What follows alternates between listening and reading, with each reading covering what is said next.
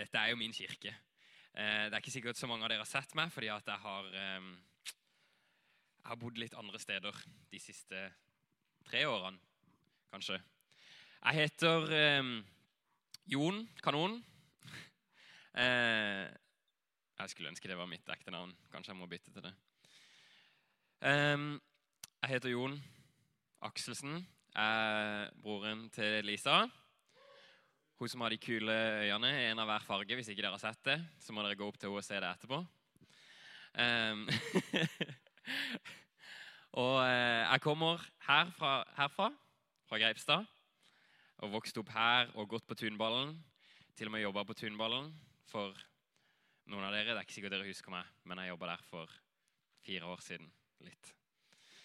Um, ja, jeg har vært så heldig og de siste årene få lov til å reise rundt i verden. Jeg har bodd på Hawaii, jeg har bodd i Asia og um, på Flekkerøya. og, uh, og, fått lov å bli bedre kjent med Jesus og fått lov å fortelle andre folk om Jesus. Og så det har vært skikkelig, skikkelig bra. Um, men i dag så skal jeg uh, tenkte jeg skulle fortelle litt om um, en av de sidene med Gud som har betydd mest for meg. Og det som André sa, så, ehm, så er det Gud som far. For jeg tror at, eh, at Gud liksom, Dere har sikkert hørt at, eh, at, Jesus er konge. Kanskje dere har hørt denne 'Hvem er jungelens konge?' Ikke sant? Noen av dere? Um, at Jesus er konge, at Jesus er herre. At, uh, at Jesus er vår beste venn. Og jeg tror virkelig at han er alle de tingene. Fordi at han er det. Det står i Bibelen. liksom. Det står at Jesus er herre, det står at Jesus er konge. Um, men det står også at, uh, at, han er vår far. At Gud er vår far. Og, og jeg tror at uh, vi som mennesker i dag um, For oss så er Gud først og fremst vår far. Fordi, liksom, fordi Gud har skapt oss. Og, um, og faktisk, når, eh, når, Gud skapte verden, så, så, skapte han alle de andre tingene først. og han sa at det var godt, men når han skapte menneskene, så sa han at det var veldig godt.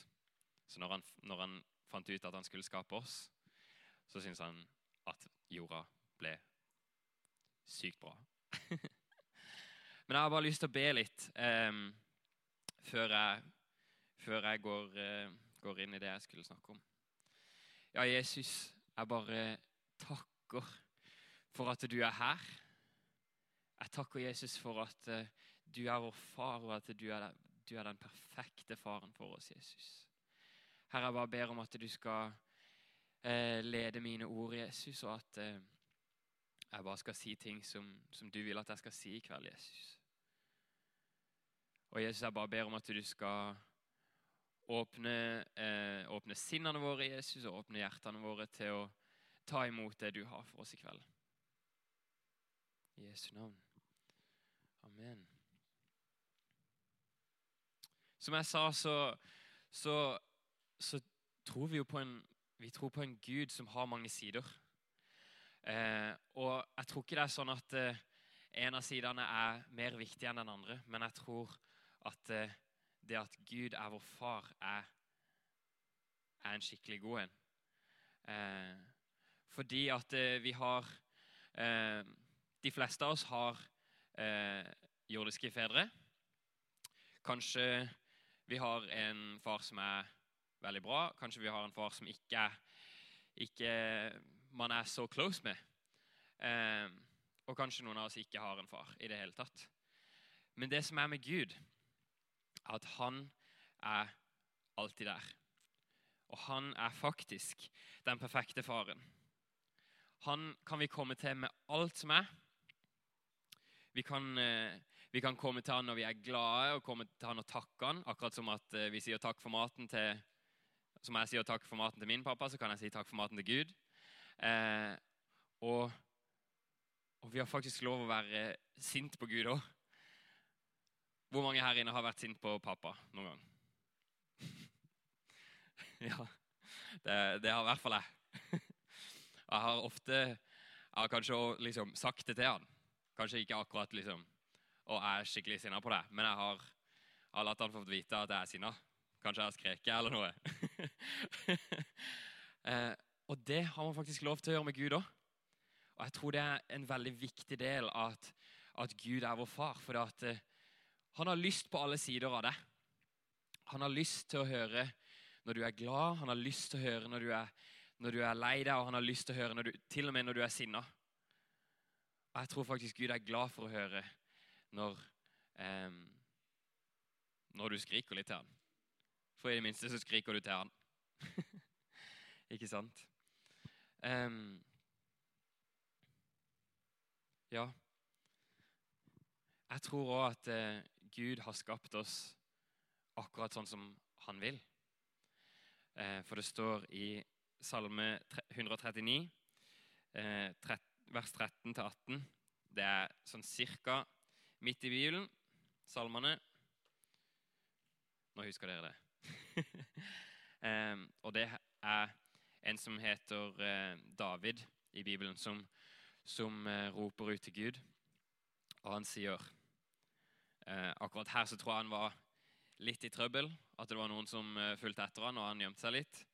Eh, men, eh, men, han fant sin identitet i, Jesu, i Gud. da. Eh, og her står det For du har skapt mine nyrer. Du har vevd meg i mors liv. Jeg takker deg for at jeg er så underfullt laget. Underfulle er dine verk, det vet jeg godt. Og Her sier David at, at Gud har lagd han underfullt. Og jeg tror at at Gud, vår far, han elsker oss så høyt, og han har skapt oss akkurat sånn som vi vil. Nei, sånn som han vil. og at vi er underfullt laget. Jeg tror det er så viktig å vite liksom i hjertet at, eh, at Gud han har skapt oss akkurat sånn som han vil, og vi er underfullt laget. Vi er underfullt lagd. Jeg tror noen ganger hvis, hvis du føler at, eh, at du ikke At du ikke Ja, hva skal man si? At man har litt dårlig selvtillit. da. At eh, Hvis jeg ser meg i speilet en dag, og så, og så, tenker jeg sånn Oi, håret mitt det sto litt til alle veier. Så kan jeg si Men allikevel så er jeg underfullt lagd av Gud. Også til en profet i Bibelen som heter Jeremia. Eh, en profet det er en som hører veldig klart fra Gud, og en som eh, kanskje rettleder litt. Og han Jeremia her, han, han eh, rettleder ofte Israel eh, når de ikke klarte å følge etter Gud på det han sa. Men i Jeremia så sier Gud faktisk til, til Jeremia Før jeg formet deg i mors liv, kjente jeg deg. Og før du ble født, helget jeg deg. Så jeg tror til og med at Gud han han kjente oss til og med før noen andre tenkte på oss i det hele tatt. Jeg tror han kjente deg, han visste hva du skulle hete, og jeg tror han visste akkurat hvilken hårfarge du skulle ha, og hvilken øyefarge du skulle ha. Og han elska deg så høyt allerede før foreldrene dine visste at de skulle ha deg en gang. Jeg tror det er så viktig å bare huske på at Gud han elsker oss så høyt. Han er vår far. Han har skapt oss, og jeg tror bare at han elsker oss så.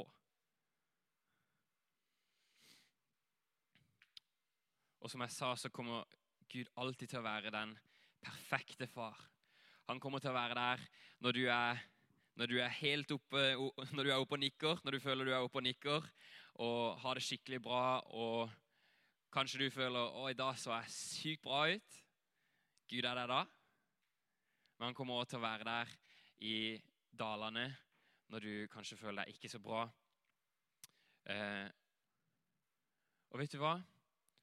Da vil jeg bare oppfordre dere når Altså gjerne i begge deler, men, men når dere kanskje føler dere eh, ikke så bra, så vil jeg bare oppfordre dere til å prøve å be. Ta og Gjør sånn som, som Tor, som Farmen-presten. Ta og, og prøv å be. Og ut av min erfaring, så, eh, så svarer Gud oftere enn han ikke gjør det. Så eh, jeg tror virkelig at det er kraftig bønn. Og Jeg har òg erfart at livet her på jorda det er ikke perfekt. Men livet med Jesus og med å kunne snakke med Gud, det gjør det i hvert fall hakket bedre, syns jeg. Eh, men i dag også så hadde jeg lyst til å, snakke om en annen historie som var i Bibelen. Og kanskje dere har hørt om den. Det er en ganske kjent historie. Eh, den heter 'Den bortkomne sønn'. Eh, det handler om en, om en mann som hadde to sønner. Den ene valgte å ikke eh, Eller å reise fra faren, og den andre valgte å være igjen og jobbe hos faren. Men eh, jeg skal lese den for dere, så kan dere få hele, hele historien. Skal vi se. Må bare finne det fram. Jeg slo opp i salmene, vet du, så da må jeg tilbake. Da må vi til en bok som heter Lukas, i kapittel 15, eh, og vers 11 til 32. Her står det eh, Jesus sa, en mann hadde to sønner. Den yngste sa til faren, 'Far, gi meg den delen av formuen som faller på meg.' Han skiftet da sin eiendom mellom dem. Eh, og ikke mange, dager et, ikke mange dager etter solgte den yngste sønnen alt sitt og dro til et land langt borte. Der sløste han bort formuen sin i et vilt liv. Men da han hadde satt alt over styr, kom det en svær hungersnød over landet, og han begynte å lide nød. Da gikk han og søkte tilhold hos en av innbyggerne der i landet, og mannen sendte han ut på markene sine for å passe grisene. Han ønsket bare å få mette seg med de belgfruktene som grisene åt, og ingen ga han noe. Da kom han til seg selv og sa, 'Hvor mange leiekarer hjemme hos min far får ikke mat i overflod, mens jeg går her og sulter i hjel?' Jeg vil bryte opp og gå til min far og si, 'Far, jeg har syndet mot himmelen og mot deg.' 'Jeg fortjener ikke lenger å være sønnen din.' Men la meg få være en av leiekarene dine. Dermed brøt han opp og dro hjem til faren. Da han ennå var langt borte, fikk faren se ham, og han fikk inderlig medfølelse med han. Han løp sønnen i møte, kastet seg om halsen på ham og kysset han.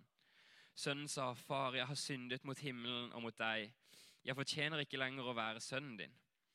Men faren sa til tjenerne sine, 'Skynd dere, finn fram de fineste klærne og ta dem på ham.' 'Og gi ham ring på fingeren og sko på føttene.' 'Og hent gjøkalven og slakt den, så vi vil spise og holde fest.' For denne sønnen min var død og er blitt levende. Han, kommet, han var kommet bort og er funnet igjen. Og så begynte festen og gleden. Imens var den eldste sønnen ute på markene. Han gikk hjem, eh, hjemover og nærmet seg gården. Da han gikk hjem hjemover og nærmet seg gården, hørte han spill og dans. Han ropte på en av karene og spurte hva som var på ferde. Din bror har kommet hjem, svarte han, og din far har slaktet gjøkalven fordi han har, fått tilbake, han har fått den tilbake i god behold. Da ble han sint og ville ikke gå inn. Faren kom ut og prøvde å overtale ham, men han svarte faren. Her har jeg gått og tjent deg alle år, og aldri har jeg gjort eh, imot ditt bud. Men meg har du ikke engang gitt et kje, så jeg kunne holde fest med vennene mine. Men straks denne sønnen kommer hjem, har du sløst bort pengene dine sammen Nei, men straks denne sønnen, kommer, sønnen din kommer hjem, han som har sløst bort pengene sine sammen med prostituerte, da slakter du gjøkalven for han.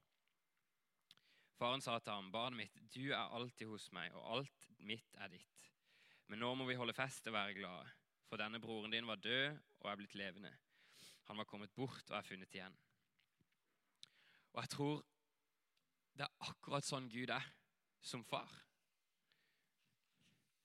Altså um, Altså, vi kan, vi kan kødde, kødde, til livene våre så mye som, som, vi vil. Men jeg tror Gud han, han, er alltid liksom, han er alltid på vakt. Han speider alltid etter dere, for han har han har alltid lyst til at vi skal komme tilbake til han. Og jeg tror med en gang at, eh, at han bare får liksom Han ser dere. Det står liksom Han så han langt borte. Og med en gang så begynte han å løpe. Han begynte å sprinte mot sønnen sin. Han som hadde vært borte og brukt alle pengene sine opp. Han som hadde eh, drukket seg drita mange ganger, festa, brukt pengene sine på prostituerte.